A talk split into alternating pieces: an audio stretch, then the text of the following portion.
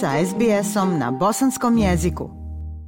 Aisha, pozdrav tebi i slušateljima SBS radija. Svakako da je vijest eh, ove sedmice ono što se desilo 6. marta u Sarajevu, naime održana je sjednica Senata Univerziteta u Sarajevu i tom prilikom se bi Izetbegović, direktorice kliničkog centra Univerziteta, dakle u Sarajevu, poništeno je zvanje magistra sa 30 glasova za, pet protiv i šest suzdržanih. U odluci koju je Senat donio je između ostalog navedeno da se usvaja analiza komisije na osnovu prikupljene dokumentacije u predmetu provjere vjerodostojnosti isprava za postdiplomski studij na Univerzitetu u Sarajevu. Odlukom je definisano da se rektor Univerziteta u Sarajevu zadužuje da donese rješenje kojim se poništava upis u matičnu knjigu magistranata broj 1 od 1964. do 1998. godine pod rednim brojem 437 na ime doktorica Sebija Izetbegović,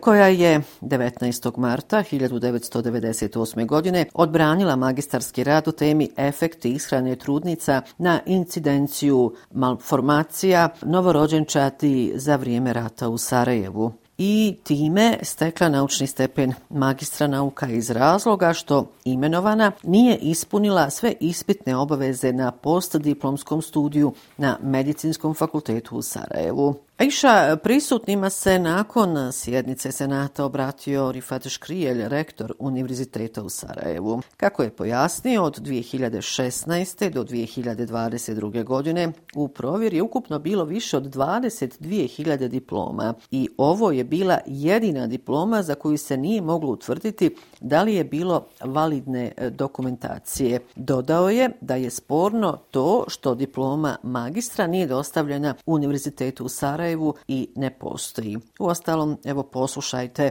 šta je na preskonferenciji kazao rektor Rifač Škrijer.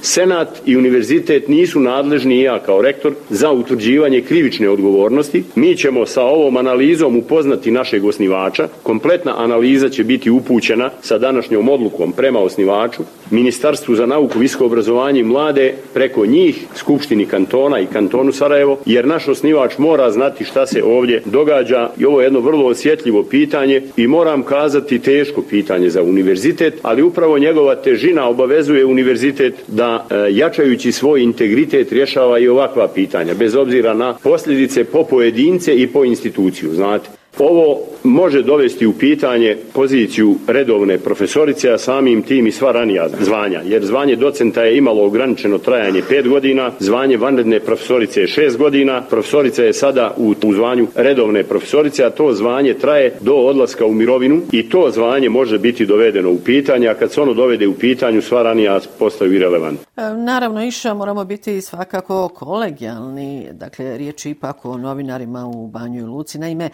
9. marta na parkingu zgrade u kojoj žive u Banjoj Luci oštećeni su automobili u vlasništvu Nikole Morače, novinara Euroblica i portala Srpska Info i Aleksandra Trifunovića, urednika portala Buka, kao i dva službena vozila ovog portala.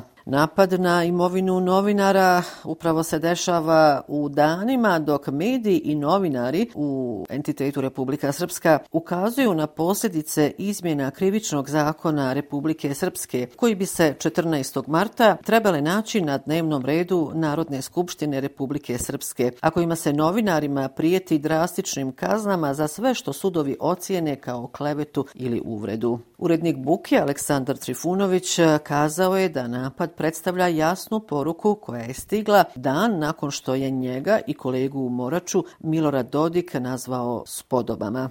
Nakon ovog napada na imovinu novinara u Banju Luci stigle su brojne osude, a evo ja ću izdvojiti da je ovaj vandalski čin osudilo društvo novinara Bosne i Hercegovine koje zahtjeva hitnu istragu i pronalaženje počinjilaca, ali ukazuje na to da je usvajanje spornog zakona najveći udar na medijske slobode u Bosni i Hercegovini do sada.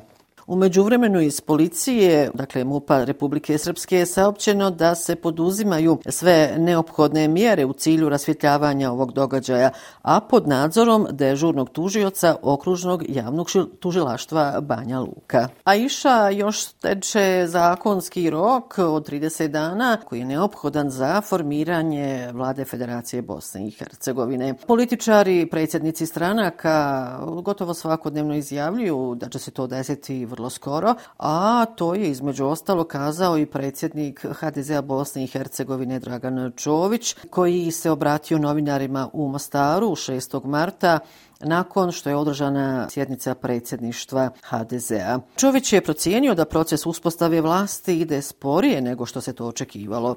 Ponovio je da su očekivanja bila takva da će i vijeće ministara Bosne i Hercegovine i vlada federacije biti formirani krajem prošle godine. Ovom prilikom Čović je kazao da smo vijeće ministara Bosne i Hercegovine dobili 26. januara, a tek smo dobili predsjednicu i dva podpredsjednika Federacije Bosne i Hercegovine. Nadati se da u ovih 30 dana taj proces možemo završiti i sad ćemo se posvetiti kantonalnim prostorima da taj posao završimo. S tim da znamo da Hercegovačko-Neretvanski kanton i Srednjebosanski kanton sa uvjetno posebnim režimom rada moramo nekako e, kombinovati sa vladom Federacije Bosne i Hercegovine, kazao je Dragan Čović. E, Dragan Čović je također najavio da će predsjednica Federacije Bosne i Hercegovine gotovo svakodnevno razgovarati sa potencijalnim predstavnikom vlade Federacije Bosne i Hercegovine. 11. marta ministar vanjskih poslova Bosne i Hercegovine Elmedin Konaković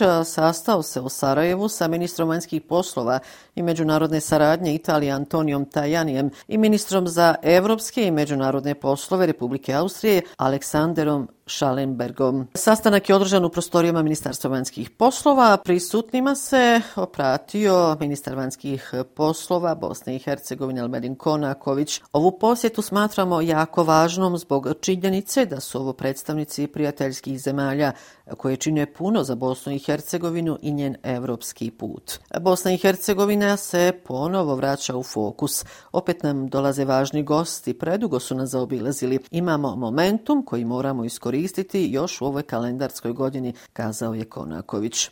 Također je rekao da je Bosna i Hercegovina dobila status kandidata, da domaći političari tek trebaju položiti test u rješavanju izazova, ne samo iz 14 prioriteta Evropske unije, već i kada je riječ o temi državne imovine ili energetskih projekata. Zahvaljujući dobijanju kandidatskog statusa, brzom formiranju vijeća ministara Bosne i Hercegovine, uskoro ćemo krenuti i u ispunjavanje 14 obaveza koje su pred nas postavljene na putu Evropske unije, kazao je ministar vanjskih poslova Bosne i Hercegovine Elmedin Konaković. Eto, iša toliko ovoga puta iz glavnog grada Bosne i Hercegovine. Još jednom tebi i slušateljima SBS radija iz Sarajeva e, šalje pozdrave Semra Duranović-Koso. E, SBS na bosanskom. Podijelite naše priče preko Facebooka. Želite poslušati još ovakvih priča? Slušajte preko Apple podcasta, Google podcasta, Spotify ili kako god da primate svoje podcastove.